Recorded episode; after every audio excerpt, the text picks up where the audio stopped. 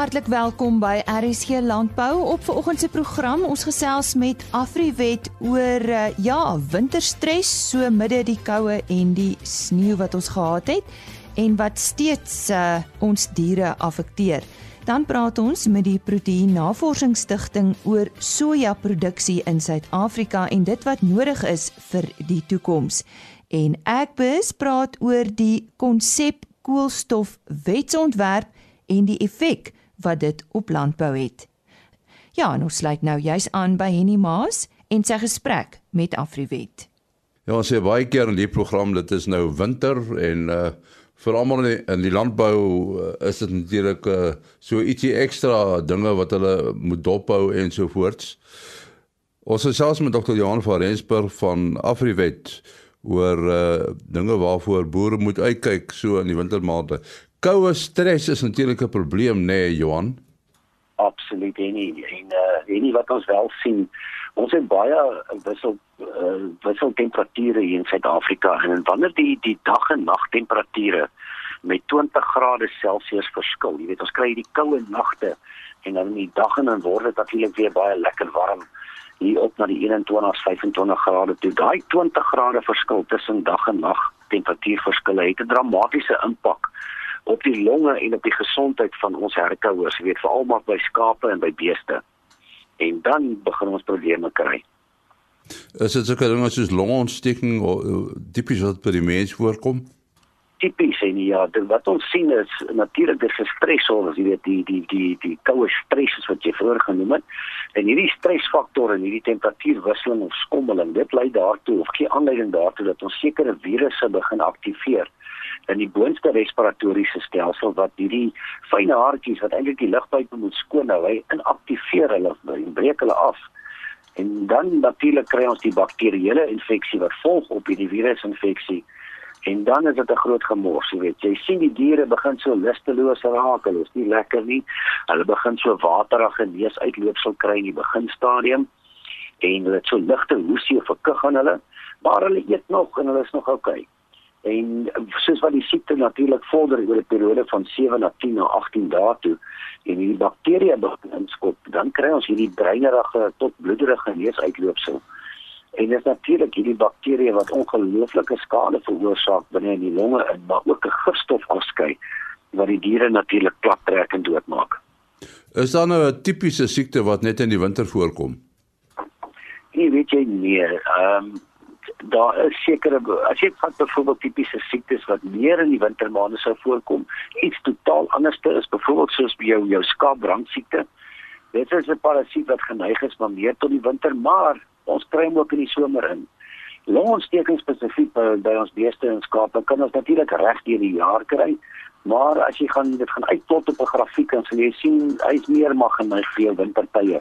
Veral waar jy in jou herfsttye en in jou lentetye waar ons hierdie groot dramatiese verskille kry in in, in temperature. As dit koud is, is dit koud, jy weet, net solank daai temperatuurskommel net nie so erg is nie.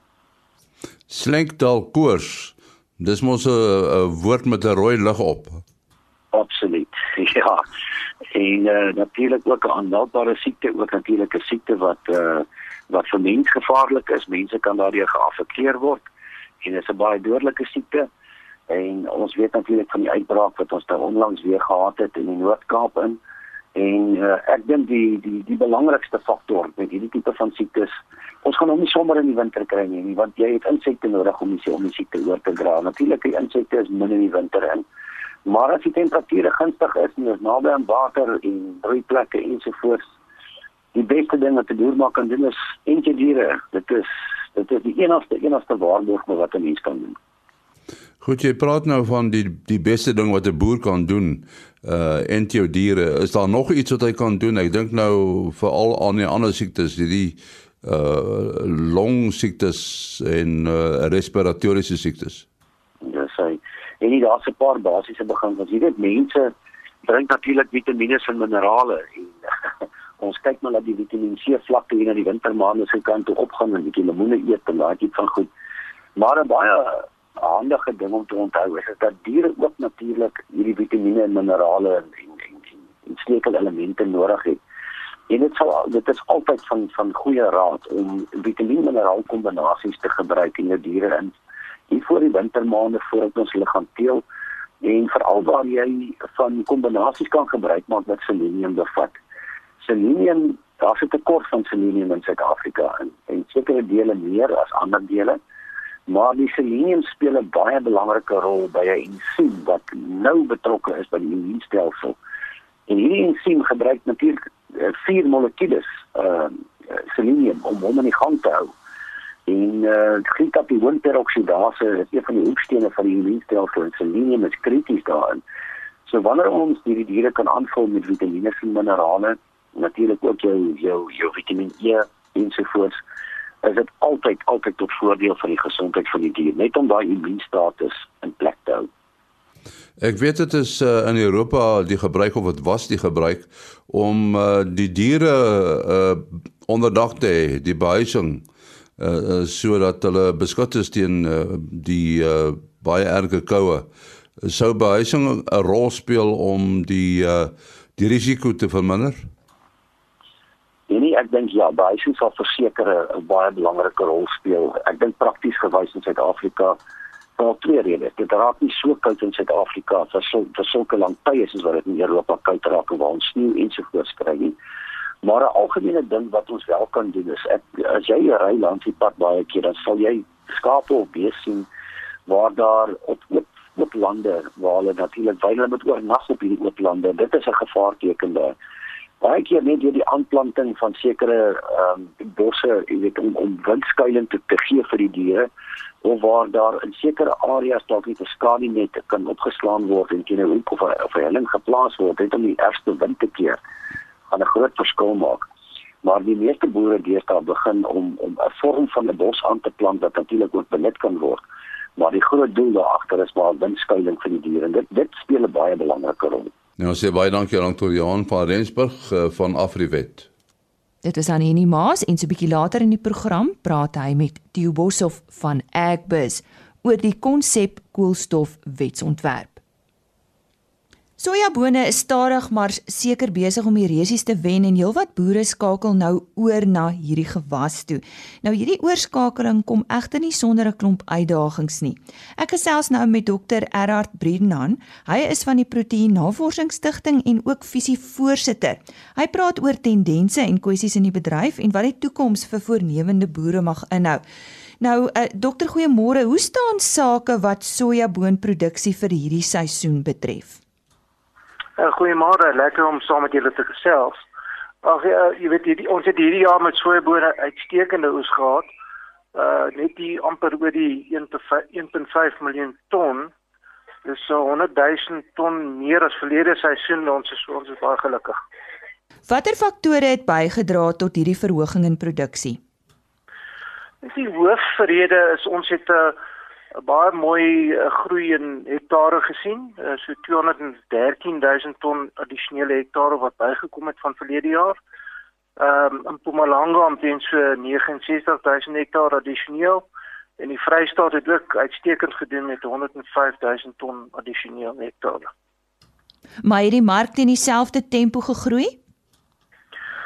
Ja, die die die veevoer verbruik van van soja is vir, vir of groei of uh, met tussen 3 en 4% elke jaar. So daar's definitief 'n groei in daai mark. Ehm um, en ons ehm um, syfers wys vir ons ons omtrent so 1.8 miljoen ton sojabone nodig om selfvoorsienend te wees vir Suid-Afrika. Maar op die oomblik het ons effens 'n uh, 'n probleem dat nie al die eindverbruikers en veral in die braaikyk en bedrywe ehm um, oorgeskakel na, na plaaslike oliekoek toe. Alhoewel daar genoeg perskapasiteit is, ehm um, word daar nog steeds ehm um, ingevoerde sojaoliekoek gebruik by sekere eindverbruikers. Al, alhoewel jy weet uh, ten stryde dat die prys van plaaslike oliekoek heelwat goedkoper is as as Argentynse invoere. Maar en ons um, ondervinding is dat ehm um, die plaaslike oliekoek ehm um, doen net so goed indien nie beter nie sover proewe wat ons uh, al gedoen het uh vir vir die groei van braaikykers. Maar ek dink dis 'n geleidelike proses wat uh nie oornag gaan gebeur nie en dit sal tyd en wel verander dat ons uh, heeltemal sal oorskakel op plaaslike oliekoek. Watter bedreigings is daar vir sojaboere se winsgewendheid? Um, as ons kyk na die huidige verbruik van van van oliekoek sal ons oor die lang termyn moet teen uitvoerpryse produseer. Sojabone behoort nog steeds teen hierdie prysvlakke uh, baie winsgewend te wees. So dit uh, behoort nie te veel van 'n probleem te wees nie. Die belangrikste uitdaging uh, is om opbrengste te verhoog sodat ons pryskompetitief kan bly en dit nog steeds winsgewend kan wees. Kom ons gesels oor klimaatstoestande. Watter effek het 'n laat reenseisoen en plantdatum op die opbrengs? Ag, ek dink so enige met enige gewas uh, is reënval en tyd van die reënval is is baie belangrik. Maar ek dink vir sojabone is is dit ehm um, baie belangrik om die regte kultivar te kies vir die regte omgewing waar dit geplant word ehm um, om hierdie uh, probleem te oorkom. Het sojabone dieselfde aandag gekry as mielies die afgelope paar jaar wat die ontwikkeling van nuwe kultivars betref? Ja, definitief. Uh, ons is baie ons baie groot belangstelling van die in, in die mark in Suid-Afrika van deur saadmaatskappye. Ons uh, daar's baie nuwe kultivars wat die mark toegetree het en hulle het definitief bygedra tot die, tot die verhoogde opbrengste wat ons huidigelik sien. So ons is baie gelukkig daarmee. Maar belangrik vir die toekoms is dat ons uh, van die nuwe generasie ehm uh, genetika wat in alle ander dele in die wêreld in die groot produserende lande gebruik word, dit moet Suid-Afrika toe kom en dis nog nie hier nie. Uh, die uitbreidingsmoontlikhede vir sojaboonproduksie in Suid-Afrika, wat is dit? Uh, sojaboonproduksie kan definitief uitbrei uh veral dis baie belangrik as 'n uh, om te gebruik as 'n wisselboustelsel. Uh, ek dink die mark gaan die mark gaan en kan groei. Ehm uh, dit is dit is 'n baie winsgewende gewas om te plant. So ek dink daar's definitief 'n 'n goeie toekoms vir sojabone in Suid-Afrika. Uh ons moet ook miskien kyk om 'n 'n paar uh, skeepvragte jaar uit te voer en dit sal die ehm um, die hele balans uh, regstel. En uh, die produksiefaktore vir verdere uitbreiding, uh, uh hoekom is dit so belangrik? En wat is dit? Ek dink ons moet ehm um, ons moet kyk na hierdie nuwe kultivare wat ons van praat, die Roundup Ready 2 wat in die res van die van die wêreld gebruik word, ehm um, moet binnekort hiernatoe kom en dit is nie oornag wat dit kan gebeur nie. Dit vat 'n hele proses omtrent so 2 tot 3 jaar vir vir registrasie en en ander ehm um, probleme wat oorkom moet word. Ehm um, en dan is kyk ons ook dat in die res van die wêreld word daar seker uh proewe of navorsing gedoen op knopwortel al alweer bestand te uh bindend veral in die sandgronde wat ons in die Noordwes het wat 'n uh, 'n groot moontlikheid is vir uitbreiding van soja in Suid-Afrika. Ek dink is 'n goeie geleentheid daar. En ehm um, ons kyk ook na eh, ehm um, cultivars waar siektes uh, makliker beheer kan word, so sclerotinia wat tydelik 'n redelike probleem begin uh veroorsaak in Suid-Afrika. En soos ek al paar keer gesê, ek dink wisselbou is baie belangrik. Jy het nou so 'n bietjie oor dit wat ons doen in Suid-Afrika gesels. Aan aan aan watter eienskappe gee navorsing in Suid-Afrika op hierdie stadium die meeste aandag wanneer hulle nuwe uh, kultivars ontwikkel, maar ons ontwikkel nie tans nuwe kultivars in Suid-Afrika nie, is ek reg? Ja, ek dink dis dis 'n baie belangrike aspek om te onthou is dat uh, al die nuwe genetika en die nuwe ehm um, produkte wat ons nodig het uh, word uh, deur ehm um, internasionale maatskappye ehm um, navorsing gedoen. Ehm um, in in Suid-Afrika is is ons nie op 'n vlak waar ons ehm um, ons eie cultivars ehm um, uh, produseer en op navorsing doen. So dit maar wat ons wel doen is ons seker baie navorsing gedoen om daai cultivars wat oor die wêreld baie goed presteer om hiernatoe te bring en dit vat redelik baie werk en en navorsing om seker te maak dat hulle is aangepas vir ons omgewing en dan spesifiek net nie vir die hele Suid-Afrika nie vir elke streek waar waar so is geplant word afhangende van die hitte eenhede en uh, van die van die van die uh, reënval. Ehm um, gebruik ons verskillende kultivars vir verskillende omgewings. Om jou af te sluit, jy het nou gepraat van hierdie nuwe genetika wat nodig het om Suid-Afrika toe te kom. Ehm um, en dit gebeur nie. Hoe, hoe belangrik is dit dat ons van daai nuwe genetika kry om om ons produksie te verbeter?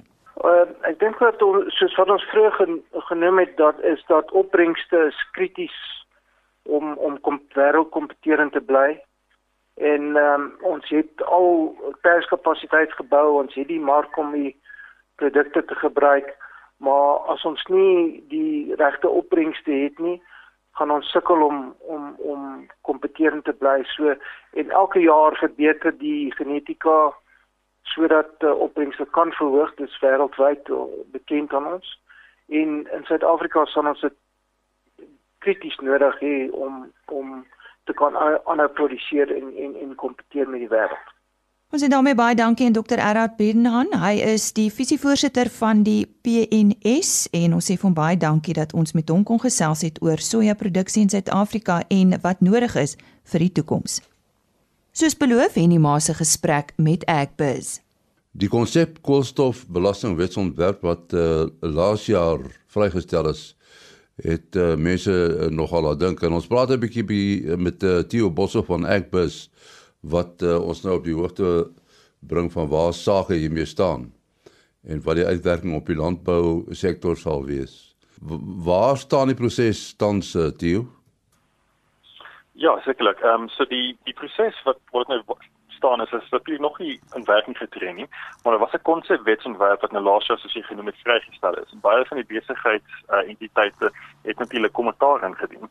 Daarna was dit deur die kabinet goedgekeur en dan die portefeulje komitee binne kan die parlement gestuur. So waar ons op die oomblik staan met die proses is natuurlik dat die die portefeulje kommentaar nou openbare verhoor daaroor om te sien wat die impak daarvan sal wees op die besigheidssektor, op die landbou en natuurlik op op gewone mense wat verbruikers is. En en en wat is die doel van die belasting? So die doel van die belasting is natuurlik, jy weet logies om belasting te hef op die hoeveelheid koolstofgas wat 'n uh, 'n besigheid vir maatskappye sal vrystel. Maar mens moet verstaan binne kan die die breë konteks van klimaatsverandering en al die ons internasionale ehm um, ooreenkomste wat waarna ons 'n party is, wat natuurlik gesê het om te probeer klimaatsverandering binnekant 2 grade Celsius te hou voor die einde van hierdie eeu. So dis een van 'n paar meganismes wat die staat op die oomblik besig is om in werking te tree om te probeer ons koolstofvoetspoed as 'n land as geheel te verminder. En en hierdie belasting, die landbousektor, uh, ons verneem dit is dalk vrygestel as ons reg? Primêre landbou sal vrygestel word vir die eerste 5 jaar wanneer dit in werking getree word. Ja, dis korrek. Maar die landboubesighede baie van hulle wat byvoorbeeld die vervaardigers is van ehm um, sekere kosprodukte sowel as die die, die graanverhandeling en jy weet die graan ehm um, die silo's en so aan en die die die suikerverwerkingsaanlegte jy weet die die regte landboubesigheidssektor is nie vrygestel nie het nie aanvanklike vrystelling nie. So dit sal hulle beslis definitief raak wat natuurlik jy weet 'n effek op die kospryse sal hê en en wat is die besigheidssektor se gevoel oor hierdie belasting Ek dink meeste van die besigheidssektor besef natuurlik dat dit nodig is om iets te doen. Ons behalwe natuurlik die feit dat ons hier internasionale ooreenkomste het wat ons verplig om om iets te doen aan ons koolstofvoetspoor. Suid-Afrika is een van die lande wat die meeste geraak sal sal word deur klimaatsverandering. So in ander woorde, ons moet iets oor klimaatsverandering doen. Ek dink die besigheidssektor besef dit. Die vraag is of 'n belasting noodwendig die regte die regte doeleinde of vir daardie doeleinde die regte meganisme is en ook jy die die tydsberekening van wanneer die jy die hulle beoog om dit natuurlik nou in te bring wat 1 Januarie volgende jaar sal wees. Want as ons moet kyk na die die die projeksies in terme van wat ons koolstof uh, vrylatings is. Weens natuurlik jy die load shedding wat gebeur het met Eskom en die ekonomies die ons ekonomie wat 'n bietjie stadiger 'n bietjie minder op onderpresteer die laaste 5 jaar. Het baie van ons koolstof vrylatings in elk geval was oor die laaste 5 jaar uh, laer as wat ons afhanklik gedink het dit sou wees. So mens moet natuurlik kyk dan in terme van wat ons trajectory op die oomblik is en of of dit nou die beste tyd is vir addisionele belasting. Ja, jy nou so 'n bietjie daaraan geraak net die ekonomie is onder druk, maar terselfdertyd moet ons die koolstof voetspoor verminder, nê? Nee, waar is die balans? Die balans is natuurlik moeilik om te vind, maar nou as mens kyk na wat se sektore eintlik kern is tot ons ekonomie en wat se sektore die die groot die meeste bydra tot ons koolstofvrylating. Ons weet byvoorbeeld die die primêre landbousektor is 'n land is 'n sektor wat tog baie van die koolstof vrylaat. Jy weet as jy ploeg in land byvoorbeeld laat dit van die koolstof wat in die grond is vry, sowel as die beeste wat metaangas vrylaat. Maar omdat daar 'n groot hoeveelheid is van kleiner ehm um, entiteite in plaas van een of twee groot entiteite soos 'n kragopwekkingstasie wat makliker is om te teiken, is dit baie moeiliker om so ding te die hele proses van belasting te probeer administreer vir die landbousektor. So die balans sou waarskynlik kom maar kyk waar die die low hanging fruit is as wat dit in Engels kan sê in terme van watse sektors kan verminder, watse sektors kan dit nie bekostig om te verminder nie wat reeds onder druk is en watse sektors is dit enigstens haalbaar om om so belasting te probeer instel. En en hoe kan mense koolstofvoetspoor verminder? Okay, daar daar's 'n paar goed wat mens kan natuurlik doen. Jy weet die minder industriële prosesse is is is een is jy weet dis een meganisme, maar ons weet natuurlik baie van die sektore van die ekonomie sal dit moeilik vind. Landboubesighede, ek weet baie van hulle is nou reeds besig om te belê in hernubare energie.